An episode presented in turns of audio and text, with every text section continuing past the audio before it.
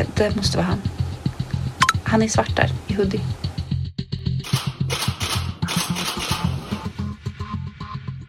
Klockan har nyss passerat 22 och en man klädd i svart och med luvan uppdragen vankar av och an utanför porten till ett hyreshus i Linköping.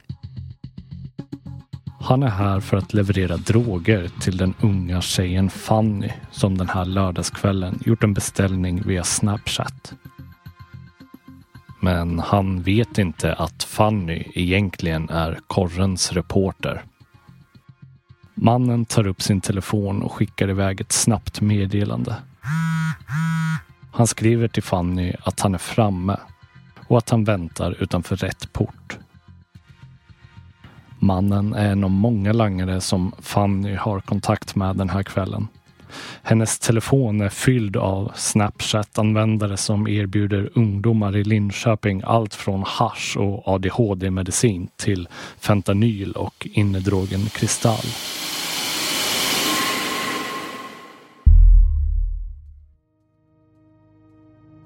Vi såg nationellt att det är ju Östergötland och kanske Uppsala som sticker ut där beslag, stor del av beslagen i landet görs. Men vi ser ju att kristallen kommer ju som en, ja, den kommer som en ångvält just nu. Nätdrogen 3CMC, även känd som kristall, fortsätter att breda ut sig i Östergötland och nu varnar polisen för fester där drogen erbjuds och används. Du lyssnar på podden Snapchat-knarket. Jag heter Albin Wiman.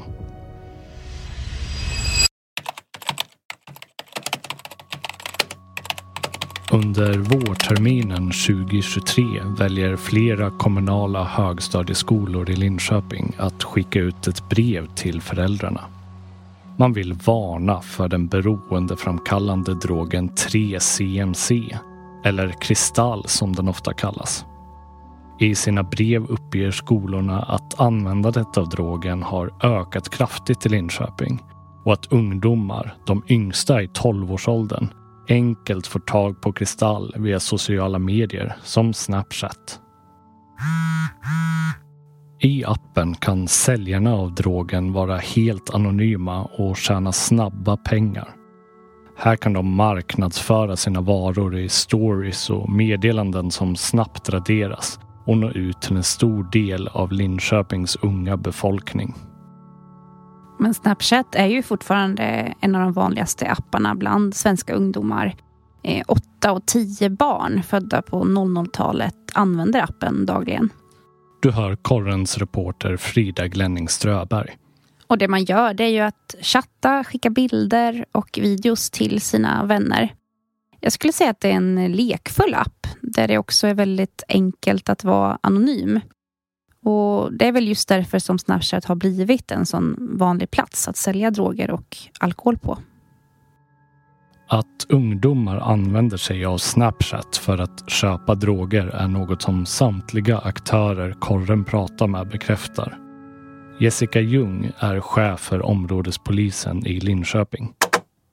Jag tänker att, eh, jag menar, vart finns ungdomar? Alltså Mm. vilken arena rör de sig på? De rör sig ju i olika sociala medier och Snapchat är ju ett forum som ungdomar eh, liksom attraheras av. Så det ligger ju i sakens natur att eh, där ungdomar, alltså där, där liksom, de man vill rikta sig mot som säljare, då riktar man sig ju liksom dit där ungdomar finns. Mm. Och det är ju inte bara fysiska platser numera då.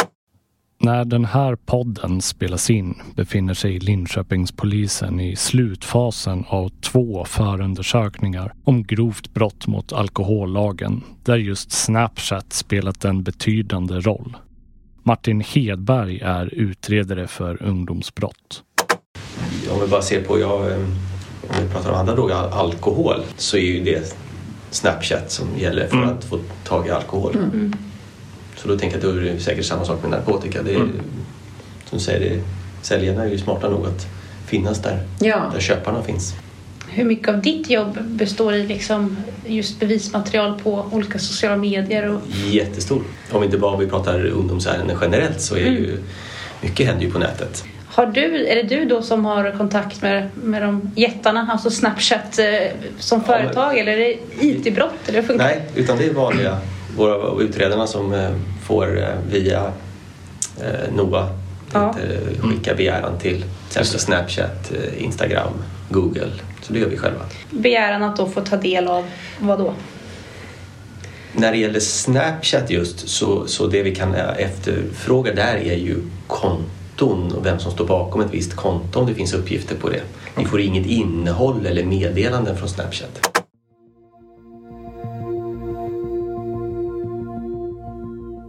Så vi kan alltså konstatera att Snapchat är ett passande forum för drog och alkoholförsäljning. Men hur enkelt är det egentligen att få tag på droger via det sociala mediet för Linköpings unga?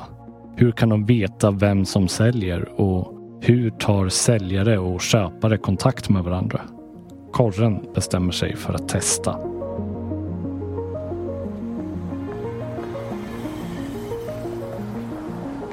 Titta bara genom att söka på röka har fått upp fem konton här.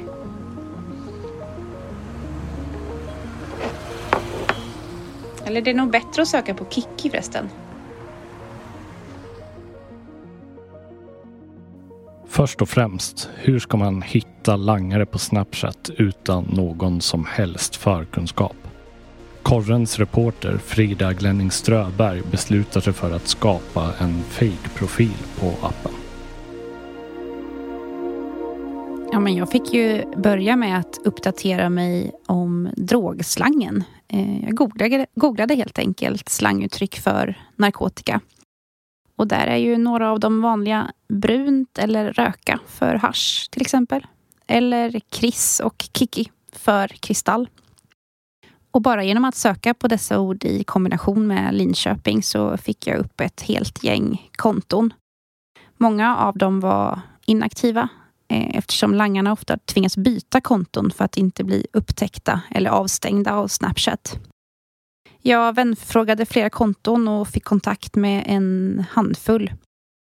I eh, flera fall så blev jag ombedd sen att adda ett annat konto där säljarna var mer aktiva. Hur kommer det sig? Här kan jag bara gissa, men jag tror att langarna vill fortsätta affärerna på ett konto som inte så uppenbart är förknippat med droger. Eh, det minskar ju risken att bli upptäckt både av polisen och Snapchat. Det, det tycks som att vissa konton som anspelar på droger i användarnamnet fungerar som en inkörsport för nya kunder där då en första kontakt skapas.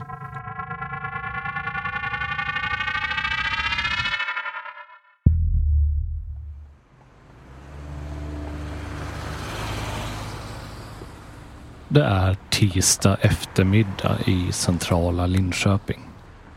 Den fejkade Snapchat-profilen Fanny har haft kontakt med en person som säljer hasch och nu har vi bestämt träff. Vi har berättat att vi går på en högstadieskola i stan och frågat langaren om han kan tänka sig att komma dit. Svaret blev ja.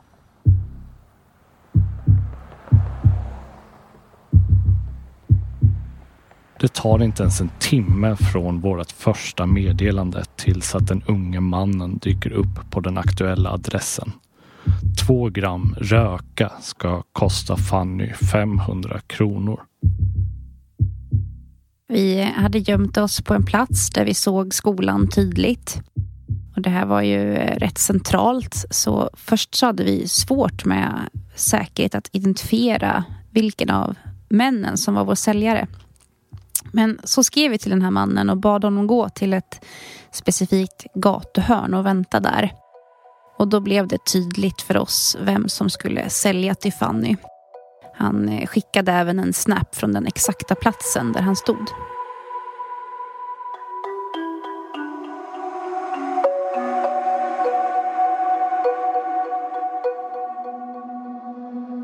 Korren kan se en tydlig trend bland de konton som vår reporter lagt till. Ju närmare helgen kommer, desto mer aktiva blir också kontoinnehavarna. plötsligt börjar allt fler användare som tidigare inte accepterat våra vänförfrågningar lägga till oss. Snart får vi erbjudanden om hemleverans av droger och ett konto skickar en hel meny med en lång rad berusningsmedel som Fanny kan inhandla. Det var ju ett konto som stack ut. Det var en man som sålde kristall eh, och jag kunde rätt snabbt identifiera honom via hans användarnamn. Den här mannen han är i 20-årsåldern, gillar bilar om man ska tro hans sociala medier och bor centralt här i Linköping. Och det jag slogs av det var hur orädd han är. Eh, han har en färsk stämningsansökan mot sig gällande narkotikabrott och fortsätter ändå öppet sälja droger. På sin stories, som då ju alla hans kontakter kan se, lägger han ut filmer där narkotikan syns på hans soffbord. Och inför motormässan i Elmia så bad han alla att sprida att han kommer att vara på plats och sälja kristall.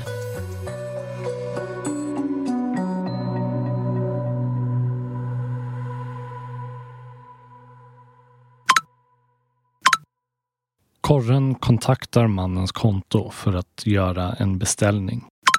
I chattkonversationen som langaren har med Fanny skriver han att 2 gram Kikki kostar 500 kronor. 3 gram kan hon få för 650. Att leverera till festen som Fanny säger att hon ska gå på under kvällen är inga problem.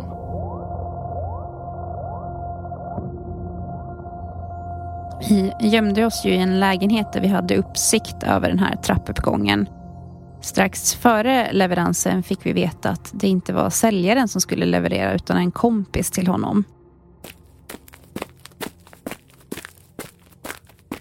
Och när den här kompisen väl anlände så var det ju lätt för oss att identifiera honom. Jag och fotografen såg när han fotade var han stod och vi kunde sedan avbryta köpet. Med facit i hand då Frida, är du förvånad över hur lätt det var för dig att få tag på kristall och andra droger via Snapchat? Eh, jag är inte förvånad över att drogerna säljs på appen. Det visste jag sedan innan och jag är övertygad om att många föräldrar också vet det. Det som förvånar mig är hur lätt det var för mig som aldrig har brukat narkotika. Eh, jag har inga kontakter och ändå gick det så enkelt. Eh, att den delen av den kriminella världen ligger så öppet för våra ungdomar, eller vem som helst, blev väldigt tydligt. Ja, men jag tänker på när jag började skriva med en langare. Då satt jag på ICA Maxis parkering här i Linköping och 30 sekunder senare hade jag beställt kristall av en för mig helt okänd person.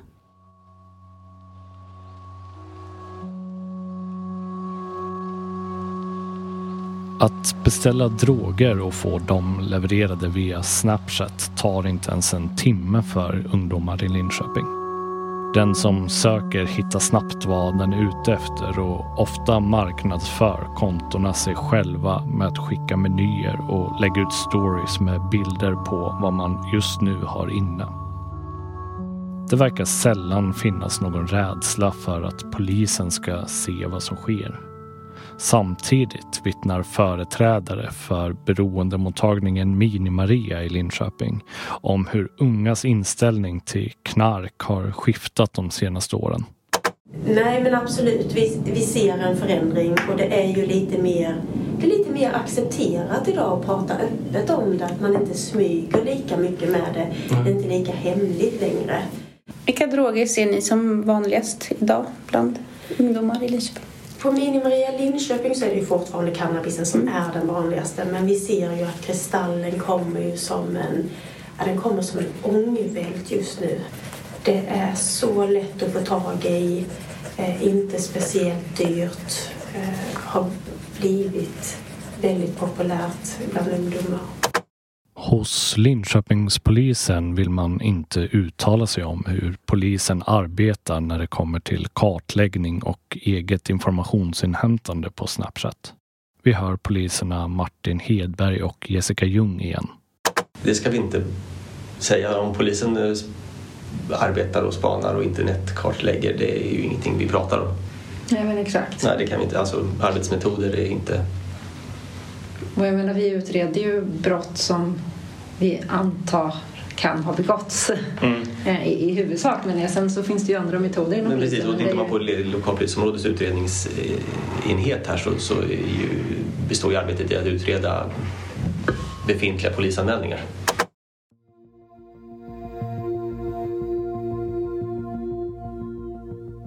Att polisen själva inte bedriver någon kartläggning på lokal nivå kan det vara anledningen till att langarna så öppet vågar marknadsföra sin egen försäljning. Alltså, utifrån är det ju svårt att förstå varför polisen inte bara hänger på Snapchat och tar de här personerna som så öppet begår brott. Men polisen behöver ju ofta en anmälan för att utreda ett brott och när det gäller köp av narkotika så vill ju varken säljare eller köpare bli upptäckta. Så det krävs ju att en, en förälder kommer på sitt barn och, och gör en polisanmälan. Dessutom ska vi också säga att polisen får ju sällan göra det som vi gjorde här eftersom det kan ses som brottsprovokation. De här kontona som du har haft kontakt med Frida, är de fortfarande aktiva idag? Ja, minst sagt. Jag får prislistor och menyer skickade till mig fortfarande. Vissa ligger på. I helgen hade jag en säljare som frågade flera gånger om jag inte skulle ha något. En annan langare varnade sina kontakter alldeles nyss. Hans mobil hade visst blivit beslagtagen av polisen. Men man kan väl sammanfatta det som så att försäljningen av kristall, alkohol och hasch fortsätter i Linköping.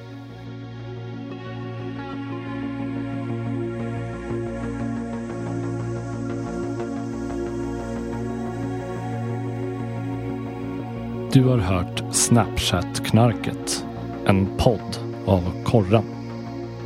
Ansvarig utgivare Christer Kustvik. Utöver inspelningar gjorda av Korren hördes också klipp från SVT Öst.